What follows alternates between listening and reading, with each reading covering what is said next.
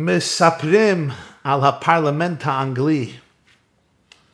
פעם וינסטון צ'רצ'יל נרדם בעת נאומו של אחד מיריביו הפוליטיים על צד השני והוא כבר לא היה יכול להתאפק והוא צועק, מר צ'רצ'יל, האם באמת אתה חייב להירדם כל פעם שאני נעמד לנאום פה? צ'רצ'יל מסתכל עליו ואומר לו, לא, אני ממש לא חייב, אני עושה את זה בחפץ לב וברצון גמור. יש בדיחה ישנה על רב אחד שצלצל לעמיתו ואומר, הגיע הזמן לעשות אחדות. השני משיב לו, אומר, נכון, אתה צודק, אבל נגד מי?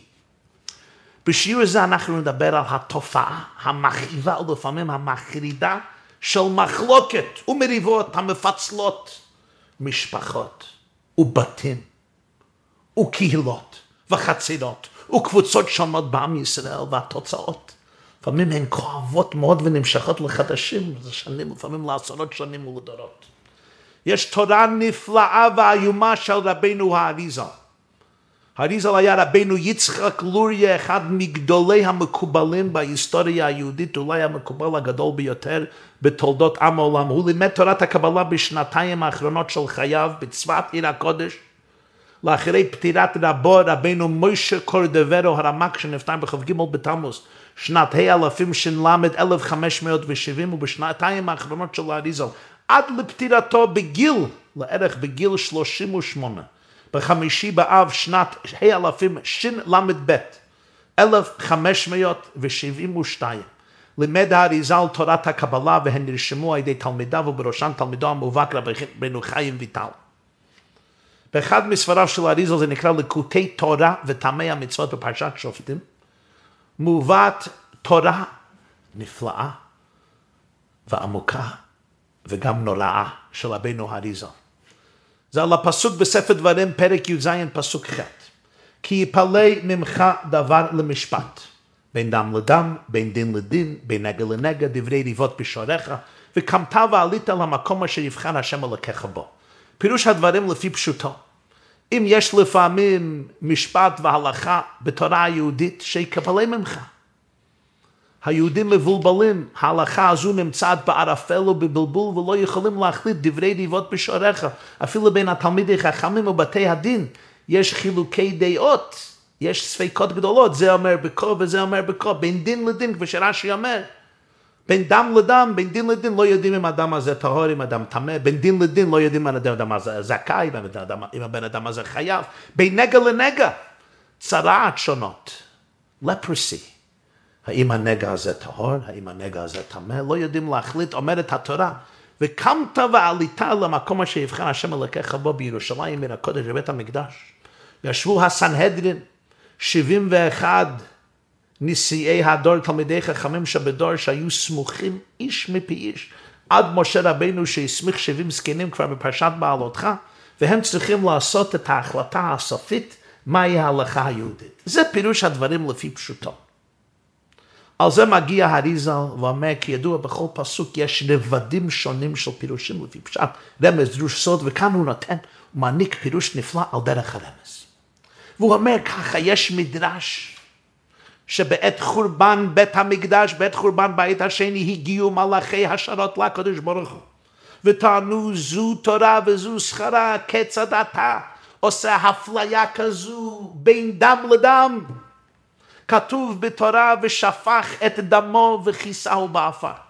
כששוחטים תרנגול או עוף כשר או חיה, יש מצוות כיסוי הדם כיוון שהנפש, נפש הבשר בדמי, אנחנו חייבים לכבד את הדם, להעריך את הדם, להפגין כבוד לדם ולכן לאחרי השחיטה יש מצווה של כיסוי הדם ועושים ברכה על זה.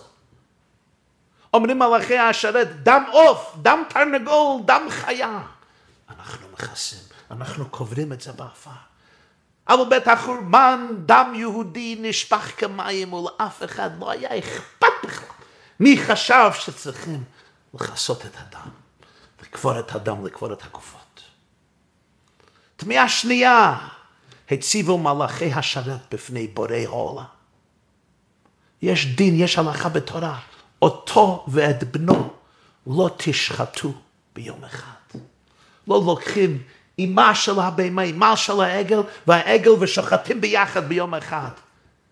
שלח תשלח את האם ואת הבנים תיקח לך וכדומה.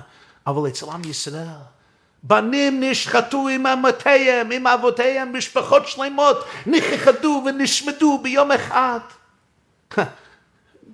תחשוב בדורנו בית השואה כמה משפחות שלמות וקהילות שלמות לפעמים נכחדו ונשמדו ביום אחד, לא נשאר מהם זכר, לא נשאר מהם שריד ופליט. אותו ואת בנו לא תשחטו ביום אחד. צעקו, זעקו מלאכי השרת לפני הקדוש ברוך. ועכשיו תמיהה שלישית, כתוב בדיני צרת, בפרשת תזריע מצורע, כשמדובר על ניגי בית. אומרת התורה, וציווה הכהן ופינו את הבית. לפני שהוא בודק אם הבית באמת מנוגה וצריכים להרוס את הבית, צריך לפנות את כל הכלים. למה להשחית את הכלים? למה שהכלים ייטמעו ללא צורך? התורה חסה על ממונם של ישראל, ופה בית החורבן. כל הבית נשרף, וכל כלי המקדש או נשרפו, הלכו לגולה, נהרסו, נשחטו, כל יישובי ובתי ישראל וכלי בני ישראל, הכל נהרס ונחרב כליל. איי הצדק, איי היושר זעקו מלאכי השרת לפני הקדוש ברוך הוא. אומר האריזל, כל זה מרומז בפסוק שלנו. כי יפלא ממך דבר למשפט. לפעמים בעולם אתה רואה משפט, אבל זה נפלא. זה פילי פלויים, יפלא ממך. אתה מופתע לגמרי, it doesn't make sense, אין פה לוגיקה, זו תוירה, זו זכורה, מה החשבון, מה העניין בזה, מה התועלת, מה, מה הטובה, מה המשמעות, מה התכלת, למה זה קורה? כי יפלא ממך דבר למשפט. אתה חושב יש דין, יש דין ויש דיין, יש משפט בעולם, יש סדר, צדיק השם בכל דרכיו וחסיד בחסד, אבל יש משפטים מסוימים, כי יפלא ממך. זה פלא גדול, זה לגמרי נסתר ונעלם מאיתנו, איך זה יכול להיות? מה? בין דם לדם. כיצד נוצרה האפליה הזו בין דם יהודי לדמם של עמים אחרים ולדמם של בהמות, של חיות ועופות. בין דם לדם. יש פתגם ישן מרבי יונתן אייפשץ. אומר, למה שמעון ולי, למה בני יעקב רצו מאוד שבני שכם ימולו את עצמם? למה? רצו שימולו את עצמם, ויהי ביום השלישי בהיותם כואבים, אז יצאו למלחמה נגד בני שכם, הרגו את הזכרים ושחררו את בת דינם מהארמון של חמור ובנו שכם. נו, בפשטות רצו שיהיו חולים שלא יוכלו ללחום חזרה, אבל ביוזר פשוט אמר משהו שנון ורמז, הוא אמר ככה. הוא אמר לאחרי שנמלאו כבר נחשבו ליהודים, והם ידעו שכשרוצחים יהודים, האו"ם כבר לא יעשה מחאה. העיתונות כבר לא תצעק, כבר לא יצעקו, כבר לא ימחו, בין דם לדם. דם העוף מכסים באפר. דם היהודי נשפך כמים. ומי, מי חושב לכסות אותו? זה הפלא הראשון. עכשיו יש בין דין לדין. מה האפליה הזו? יש דין בתורה, אותו ואת בנו לא תשחטו ביום אחד. אבל הדין הזה לא קיים בעם ישראל. ודורי דוד מדורי דורות נשחטו האימהות והבנים והבנות ביום אחד. ואחר כך יש כי יפלא ממך דבר בין דם לדם, בין דין לדין, בין נגע לנגע. הרי בדיני נגעים יש הנחה ופינו את הבית, התורה חסר ממונם של ישראל. אבל כאן בית החורבן ראו רכוש היהודי נשרף ונכחד לגמרי. אפילו היהודים שנשארו חיים נשארו בעירום ובחוסר כל. מה הפשר בכל זה? אומר האריזל, התורה ממשיכה. דברי רבעות, דברי רבעות בשעריך. הקדוש ברוך הוא אומר להם, כלום יש שלום בעולם, הואיל ואין שלום, אין כלום לא מצא הקדוש ברוך הוא כלים מחזיק ברכה לישראל, אלא השלום כפי שאומר בסוף שישה סדרי משנה שנאמר השם עוז למו ייתן, השם יברך את עמו בשלום. הכוח של העם היהודי, הפוטנציאל האלוקי של העם היהודי הוא כל כך חזק, כל כך עצום, אבל רק כשהם בהרמוניה. when they get along, כשהם באחדות, כשיש כבוד והערכה ואהבה ואחווה שלום ולד, אפילו אם יש חילוקי דעות, אפילו אם יש שיטות שונות ומגוונות מגוונות, ודאי, זה העם היהודי, דיברנו בשבוע האחרון, שלום עליכם, עליכם שלום. אבל שיש הרמוניה. עם היהודי זה כמו חומה, כמו חומה. אם החומה מאוחדת, אין פרצה, אין שונא שיכול להיכנס. אבל כבר לא אוחזים ידיים ביחד. כבר אין גשר, כבר אין חוט המקשר. החומה הזו פרוצה. נפרצת בחומה, חומת האחדות, שמבצרת את העם ואת הארץ, רחמנא ליצלן, נפרצת. אז אפשר לדברים מזוהמים, לדברים טמאים, לאנרגיה שלילית ונגטיבית. להיכנס לתוך החמה, איך אומרים בתפילת העמידה, ברכנו אבינו, כולנו כאחד באור פניך. כשאנחנו כולנו כאחד, כשעם היהודי הוא אחד, כי זה בעצם עם מאוחד. הרי הנשמה של עם ישראל זו נשמה אחת ויחידה. אב אחד לכולנה והנשמה זה חלק אלוקה ממעל ממש כמו שאי אפשר להפריד בקדוש ברוך הוא להגיד יש לו יד ויש לו רגל כך אי אפשר להפריד בין נשמות זה נשמה אחת זה נכנסת לתוך גופים שונים אבל זה בעצם נשמה אחת הירושלמי אומרת במסכת תלמיד ירושלמי במסכת נדודם זה עם, עם האצבע שלי, כן, עושה משהו לא טוב, עושה טעות, נו, היד הימני לא מתחיל להכות את היד השמאלי, כי אני לא מכה היד השמאלי, אני מכה את עצמי. זה גוף אחד. ברכנו אבינו כולנו כאחד. כשאנחנו מאוחדים, איזו הברכה נשנה בעם ישראל. אבל רחמנא ליצלן, כשיש דברי ריבות בשעריך, כשיש בשער, בשערים שלנו, בבתים שלנו, במשפחות שלנו, בבתי כנסיות שלנו, בבתי מדרש שלנו, בקהילות שלנו, בעם שלנו, בארץ שלנו, דברי ריבות, מריבות, משטמה. שנאה, קנאה, תחרות, מחלוקת. תחבולות שונות ומשונות לריב אחד עם השני. ומי מדבר עוד להזיק ולהעליב, אם זה הזק בגוף, או בנפש, או בצורה רגשית ונפשית ופסיכולוגית. אומר הקדוש ברוך הוא, אז יוצר הרס וחורבן, זה כמו כוח גרעיני. כוח גרעיני יש בו כוח להעיר את כל העולם, אבל אם הכוח הגרעיני הזה מנוצל, דבר של חורבן והרס, רחמנא ליצלן יכול להרוס עולם. היהודים זה כוח גרעיני בעולם, נוקלר אנרגי. כשהם מאוחדים, כשהם מוזגים, יש שלום, יש כל כך אנרגיה חיובית של אהבה, יש ברכת השם, ברכנו אבינו כולנו כאחד, אבל עם הכוח הגרעיני הזה, יש בו כאוס, כאוס, והרס, וחורבן ופירוט. זה יוצר משהו מחריד. דברי דיבות בשערך. כשיש דברי דיבות בשעריך, כל הכללים נפרצים. כל סדר של העולם מתבטל. ויש כאוס, יש כאוס. מה העצה? אומרת התורה וקמת ועלית אל המקום אשר יבחר השם אלוקיך בו. מדובר כמובן על ירושלים. אומר האריזל על ירושלים כתוב בתהילים במזבור קכ"ב.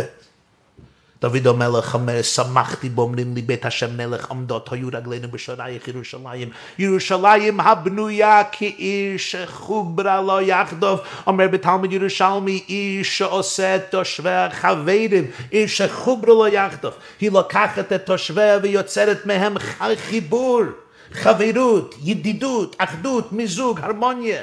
כל ישראל חברים. ירושלים זה גם מורכב משתי מילים, כך כתוב בתויספוס טיינס דף י' במדרש רבה בראשית. שם מלכי צדק קרא לו שלם, מלך שלם. אברהם קרא לו קרא שם יירא.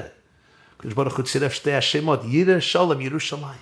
זה עיר של שלמות, שלמות היראה, ועיר של שלום. זה הכוח של ירושלים, זה הפוטנציאל שלהם. צריכים לקום מבחינה גשמית ומבחינה רוחנית. ועלית, תעלה את עצמך. למקום אשר יבחר השם אלוקיך בו. תראה את בחירת השם בך. תבין מי שאתה. אתה לא קטנטיק. אתה לא חיה מושמצת, אתה לא מלך המש... אתה גדול, מה אתה מרשה לעצמך להיות מעורב במחלוקת כזו, להיות מעורב בפוליטיקה, בשחיתות? אתה אפילו לא מרוויח מזה. בשם המילה ציות. אפשר לשטוף מוחות של יהודים יראים ושלמים איש חוברו לא יחד וקמת ותרד בחירת השם אלוקיך בך. תבין מי אתה, אתה חלק אלוקה ממעל ממש וכולנו מיוחדים עד אם אתה חושב באמת רצון השם הוא שתתעסק יומם ולילה במריבות, דברי ליבויס בשעריך ועוד בשם התורה ועוד בשם אלוקים ועוד בשם הדעת. אני אומר לפעמים לתלמידים וידידים שומע לכי, אני אומר אתם רוצים לפעמים לעשות החלטה ש... נורמלית, שפויה, בריאה, תחשבו לעצמכם עכשיו. עכשיו אני אימפולסיבי, אני קצת בריתחי דוירייסו, בריתחי של דברים אחרים, אבל תירגע קצת ותחשוב לעצמך ברגע של שקט, ברגע של התבוננות. אתה בן 95 בעזר השם לאריכות ימים ושנים טובות. אתה יושב במרפסת על כיסא, ואתה מתבונן על סיפור ימי חייך. מתבונן ככה בשקט, ברגוע, כל מה שעבר עליך. עכשיו תחשוב לעצמך החלטה שעשית כשהיית בן 15, בן 20, בן 30, בן 35, בן 40, בן 50, בן 60. ההחלטה הזו לנתק קשר עם אח, עם אחות, עם דוד, עם דודה, עם אבא, אמא, סבא, סבתא, בן, בת, נכד, נכדה, קרובי משפחה. ידידים, שכנים. ההחלטה הזו, אתה מסתכל על ההחלטה הזו, אתה בן 95, אתה תגיד לעצמך, וואו, אני בן אדם, אני גיבור, איך אני גאה בעצמי על הנחישות שלי, על הרגישות שלי, על האמיתיות ואותנטיות שלי, או שאתה תסתכל על עצמך ותגיד, אוי, איזה טיפש. איזה טיפש הייתי, איך נפלתי לפח, איך נפלתי לפח ומזימות של אנשים אחרים. איך נתתי להם להשתלט על הנשמה היקרה שלי, על הגוף שלי, על המוח שלי, על הלב היהודי שלי, על האהבה שלי, על הפנימיות שלי, על הכנות שלי, על האמת שלי, על האותנטיות שלי, על הקדושה שלי, על העליונות שלי. על העשירות הרוחנית שיש בתוככי. איך זה שנתתי לקליפות וסתרה אחרי לכוח הטומאה, לכוח המחלוקת, להשתלט על חיי, על גופי ועל נפשי, ובזה אני עסוק במחשוב, בדיבור, במייסר, ברגש ובמוח. וקם טובו ליטו, אומר לנו אריזל, תקום, תעלה למקום אשר יבחר השם אלוקיך בו. תגלה בעצמך אמיתית, אתה חלק מירושלים, זה לא רק ירושלים הפיזית, זה גם ירושלים הרוחנית, בוודאי בתוך ירושלים הגשמית צריכים להיזהר בזה ביותר וביותר וביותר. שלא יהיה כזה בישראל דברי ריבות בשעריך. אבל מדובר על כל אחד מאיתנו ואני הקטן בתוכם. לחתור לעמק פנימי יסעודו מבשורי איך זה לקה. עיר שחוברו לו יחדוב. ואיך אומר אריזל שבו נסו כל ישראל חברים בידי התוירה יתאחדו ויתהפכו ויתווך ביניהם והשלום ישרה אצלם. לכן ראינו בהיסטוריה היהודית כל הגלויות שלנו התחילו בדברי ריבת בשלך. הגלות הראשונה, גלות מצרים, איך זה שיוסף הצדיק הורד למצרים, אבל בסוף כל סוף יעקב אבינו וכל המשפחה הצליחו לרד למצרים, ומזה התחילה סוף כל סוף גלות מצרים. ולא יכלו אחיו דברו לשלום. דברי ריבות בשעריך, ודאי לפי מדרגתם הנשגבת, אבל הייתה מלחמה, מלחמה בתוך המשפחה. התחילו לדבר אחד עם השני. התחילו להסתכל אחד על השני, אני הולך ברחוב, אני לא יכול להסתכל עליך ולהגיד לך שלום. אני לא יכול להיכנס לחתונה שלך. אני לא יכול להיכנס לשבע ברכות, לברית מילה, לשמחת בר מצווה. לא יכלו אחיו דברו לשלום. זו ההתחלה של גלות בעם השם. ובבית ראשון נחלקו השבטים, נוצר פער גדול בעם ישראל, ממלכת ישראל, ממלכת יהודה, רחבעם בן שלמה וירבעם בן נבט משבט אפרים, ובסוף סוף מלך אשור מגל, מג, שולח את עשרת השבטים לתוך הגלות וזכרם נשכח עד היום הזה, איפה עשרת השבטים? מעבר לנור סמבת. ובסנהדרין חלקו, הם יחזרו לימות המשיח. הם יחזרו לעולם הבא. ומאה וחמישים שנה לאחרי שהם גלו, נבוכדנצר מלך בבל מחריב את בית הראשון. והקץ לבית הראשון מגיע. הכלול בדרך הטבע בגלל החלישות והרפיון שנוצר בקרב עם ישראל כתוצאה מהפער והמקרע הגדול הזה בממלכת יהודה וממלכת ישראל. בבית שני הרי הגמרא אומרת ביום דף ט', שנאת חינם, המריבות, החיכוכים, האי הבנה, אי היכולת להבין שכולנו בני איש אחד אנחנו, ולמרות שיש חילוקי דעות, הוא צריכות להיות חילוקי דעות. אמרנו בשיעור האחרון, שלום עליכם, עליכם שלום. לא יכלו דברו לשלום.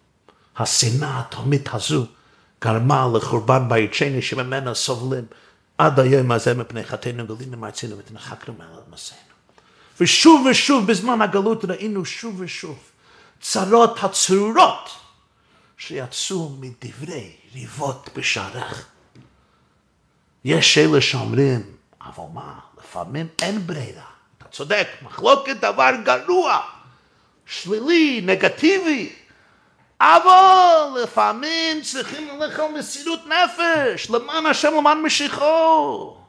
כמו שצריכים למסור את הנפש לעבודה זרה, לגילוי עניות, לא לשפוך דם, לפעמים צריכים למסור את הנפש, לעשות מחלוקת, להיכנס למחלוקת, להתנתק כאמור, כן, לנתק אותו כליל עולם ועד עד ביד גול צדק ועד בכלל, חס ושלום.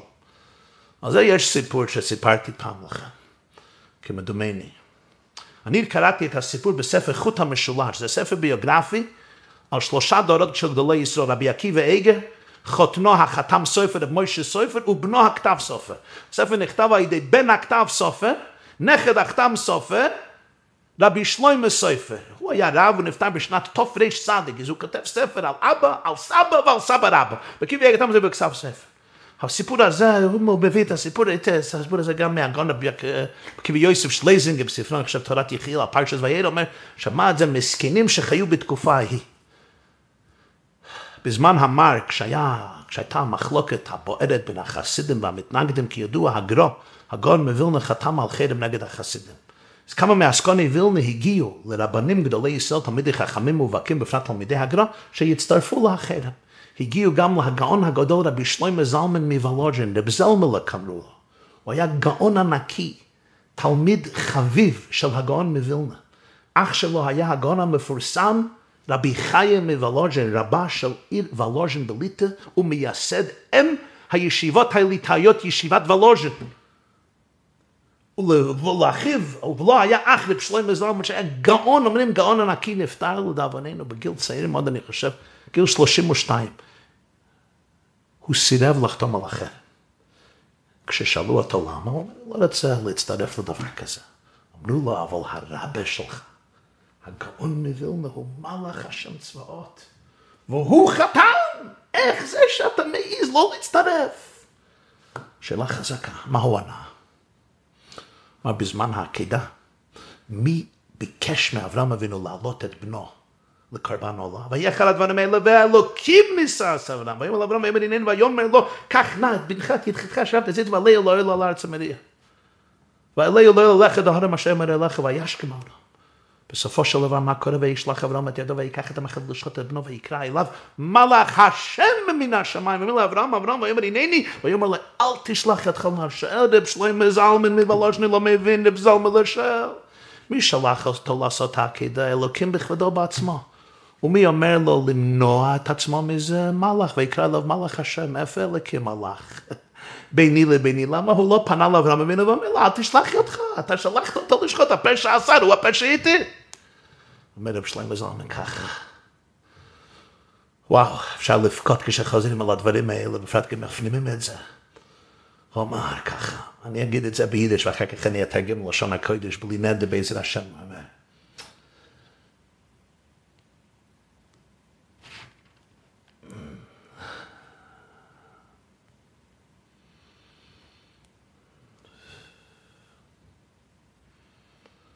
Als der Eberste will dir sagen, dass nicht schächt ein jüdisch Kind, ist genug, als er schickt ein Malach. Aber Eber, Eber will dir sagen, dass schächt ein Jid, darf er kommen allein. Kann nicht schicken, geht Malach. מה הקדוש ברוך הוא רוצה? שתמנע את עצמך מלפגוע, מלשחוט ילד יהודי. זה בסדר אם הוא שולח מלאך. מלאך מספיק. ויקרא אליו מלאך השם, ויאמר לי, אל תשלח ידך לנער, ואל תעש להם אומה, כי את ידעתי כי יראה אלוקים אתה. אבל אם הקדוש ברוך הוא רוצה שאתה תלך ותשחט ילד יהודי, לא מספיק שהוא שולח מלאך. לזה הוא צריך לבוא בכבודי ובעצמה, להגיד לך, לך תשחט יהודי. אמר רב זלמן, הרבה שלי, הרב שלי, הגאון, מלאך השם צבויס. אבל אם הקדוש ברוך הוא רוצה שאני אשחט יהודי, אני אמצוץ את דמו של יהודי, לזה הוא צריך לבוא בכבודו בעצמו ולא לשלוח מלאכיו של צבויס. הוא לא חתם על החרב. מעניין, גם אח שלו, רב חיים, לא חתם על החרב. אני ראיתי צילום מזה, הם לא חתומים על זה. קראתי פעם סיפור על החופץ חיים. היה מחלוקת עצומה ברדן בין שני בלבטים, מחלוקת בוערת. ואחד מהבלבטים לא הפסיק, לא הפסיק ללחום עד שאחד מהבנים שלו חלה. והחפץ חיים הזמין אותו. ואמר לו, אנחנו לא יודעים בסוד השם, נסתרים דרכי השם. אבל ייתכן שהמחלוקת הזו גרמה, המחלה הזו אצל הילד שלך. תשמעו טוב. כשאני במחלוקת בוערת, מידת המצחנות גוברת לגמרי, וכל השיקולים הרציונליים נעלמים מהאופק, זה מה שקרה, היהודי הזה היה אימפולסיבי. אומר לו החופץ חיים, זולן alle meine Kinder sterben, רחמונו ליצלן, או בדמחלוקס ולך גבינם. אפילו לא רוצה לחזור. אפילו לפעמי השם ישמרנו. שכל המשפחה תמות. אבל אני אנצח את המחלוקת הזו. זה מה שמחלוקת יוצרת אצל בני אדם. זה רתיחת דם. אתה כבר לא יודע מי אתה. אתה כבר לא מבין מי אתה. אתה כבר נכנס לעובי הקורה, וזה כמו דיבוק, זה כובש את כל האישיות שלך. כבר לא בן אדם, לא מדובר על חסיד, אלה חייד, יהודי חרדי לדבר השם, לא עם התוירה, יהודי עדין, לא מדובר על זה. פשוט בן אדם. שמעתי פעם מהרבי לובביץ', הוא אמר לראש ישיבה, הוא אומר, חז"ל אומרים, מילתא דאבידא לגלויה לא משקרי אינשה. כן? זה כלל בעולם. אם אני יודע שהשקר שלי יתגלה מחר, מחרתיים, אני לא רוצה לשקר. פשוט לא רוצה הבושה. אמר הרבה, ורואים שיש אנשים שמשקרים, והם יודעים שזה דבר העומד להיגלות. אז הוא אומר ביידיש אומר, Die Gemara sagt, Milse Davide לגלוי למשקרי אינשי, זה זה nicht בגדר אינשי. אתה צריך להיות אינשי, אתה צריך להיות בן אדם. אם אני מפסיד את הצלם הלקים שלי, אני עלול הכל. זה מה שיצר המחלוקת עשתה, זה מה שהחופץ חיים סיפר, רצה להמחיש כמה צריכים להיזהר עם האגו המנופח והמשוגע והטראומטי הזה. מספרים על רבי יוניסן איפשץ, כך מספרים, קראתי לפני הרבה שנים או שמעתי. הייתה מחלוקת עשיריות בשנים בין רבי יעקב עמדין ורבי יוניסן איפשץ. רבי יעקב עמדין לאחר מלחמה חריפה נודזן איפשץ, הוא חשד אותו בשבתאות. שרבי יוניסן איפשץ הוא תלמיד סמוי של השבסי צבי משיח השקר. וכל מזרח אירופה הייתה מעורבת במחלוקת. זאת מחלוק, מחלוק, מחלוקת נוראה. עד כדי כך יש אלה שטוענים שההשכלה והרפורם הצליחה כל כך, בפרט בגרמניה, בצורה נפלאה ונוראה, איך שהרפורמה, הרפורם של הדת הרפורמי, ששינתה את כל מסורת היהודית, איך היא הצליחה כל כך בגדול בעיר ואם בישראל, בקהילות קדושות מישראל, מדובר על קהילות של רש"י, רבינו גרשם אויר הגוילה, גדולי חכמי אשכנז, איך זה קרה? הוא היו שני דברים, המחלוקת בין רבי יונסן אייפשיץ ורבי יעקב עמדין, והגט של קליבה. הגט של קליבה גם כן, זה צריך שיעור אחר, אבל הייתה אז מחלוקת גדולה בין הרבנים. והעמך, הקהילה ראו, כבר אי אפשר ליתן אמון בתלמידי חכמים, כבר אי אפשר ליתן אמון בצדיקים, כבר אי אפשר ליתן אמון ברבנים, כבר אי אפשר ליתן אמון במנהיגי העדה, כך הם מתנהגים, מחלוקת כזו, עם רתיחת דם ולשון הרע.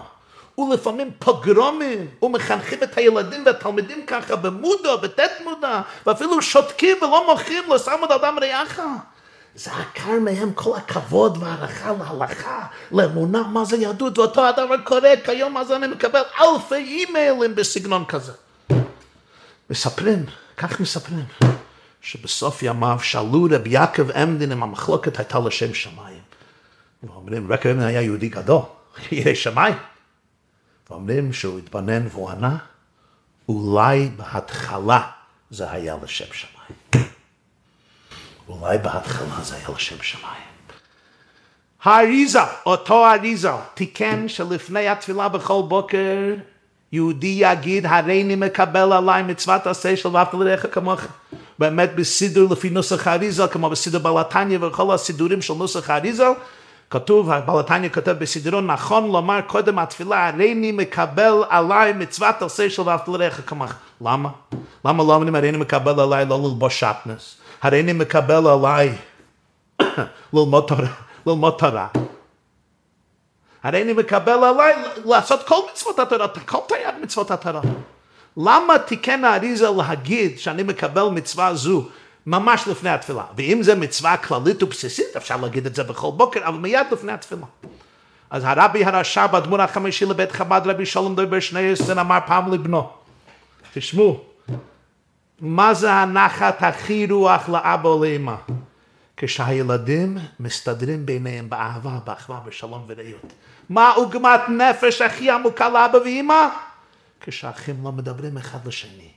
כשהאחיות לא מסתדרות עם אחד השני. כשיש דברי ריבות בשעריך מריבות מלחמות במשפחה. אה, אומר האריזה, לפני התפילה הולכים לבקש מאבא כל הבקשות. אז מה הדבר הראשון? רוצים לגרום נחת רוח ושמחה ועונג ושעשועים לאבא שימלא את כל הבקשות. אז מה אומר? אבא, אני מסתדר עם האחים שלי, עם האחיות שלי, הרי אני מקבל עליי מצוות עשה של ואהבת לרעך כמוך. אני רוצה לבקש מכולכם לשתף את השיעורים האחרים. אפשר לשמוע את זה בקווי הטלפון. תלחצו לייק, תירשמו לערוץ שלנו, תכתבו תגובות. תפרסמו לאחרים, אפשר לקבל כל השיעורים גם בפודקאסטים, אפשר לשמוע עליהם על הטלפון. תהיו בריאים, הצלחה רבה, ושנזכה להקמתו ועליסה אל המוקם אשר יבחר השם אלוקיך בו ברוחניות ובגשמיות בקרוב ממש.